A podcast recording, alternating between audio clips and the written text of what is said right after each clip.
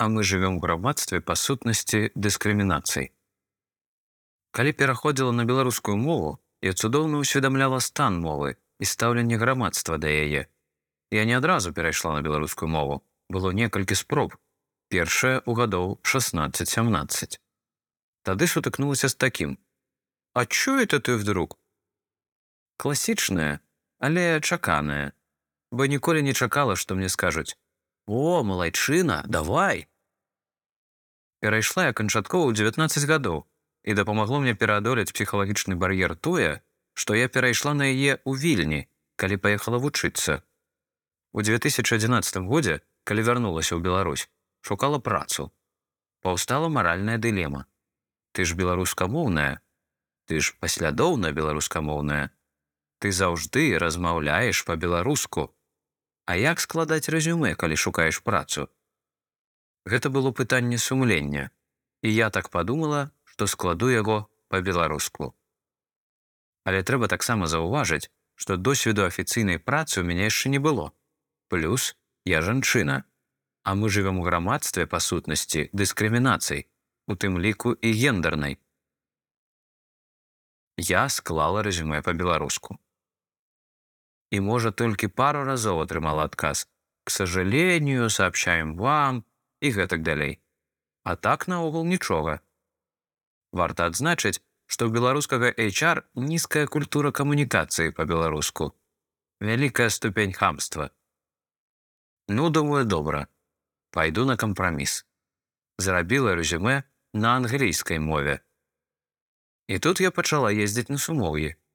На сумоўях размаўляла на рускай, бо ўжо было пытанне, ці будзе табе што есці, ці ты будзеш без працы.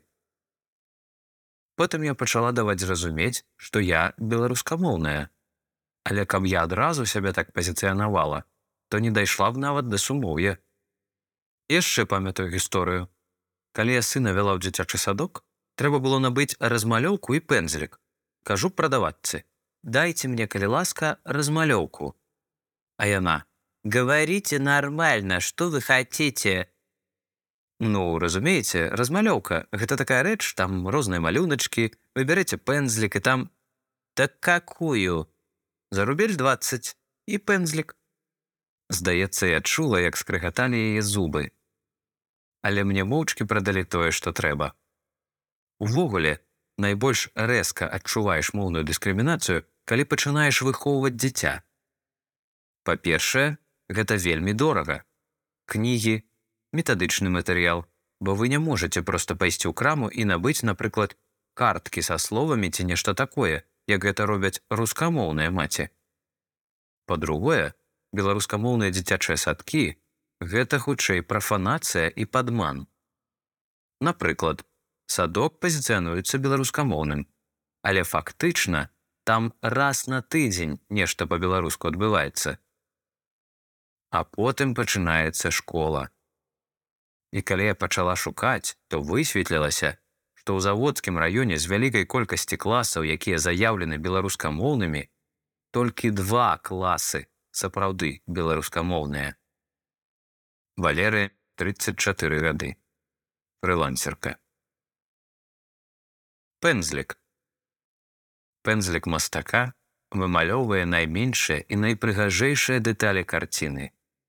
Роднай мовай таксама можна вымаляваць найлепшыя словы, каб апісаць тое, што намалявана на карціне.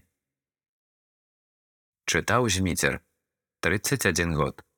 Настаўнік.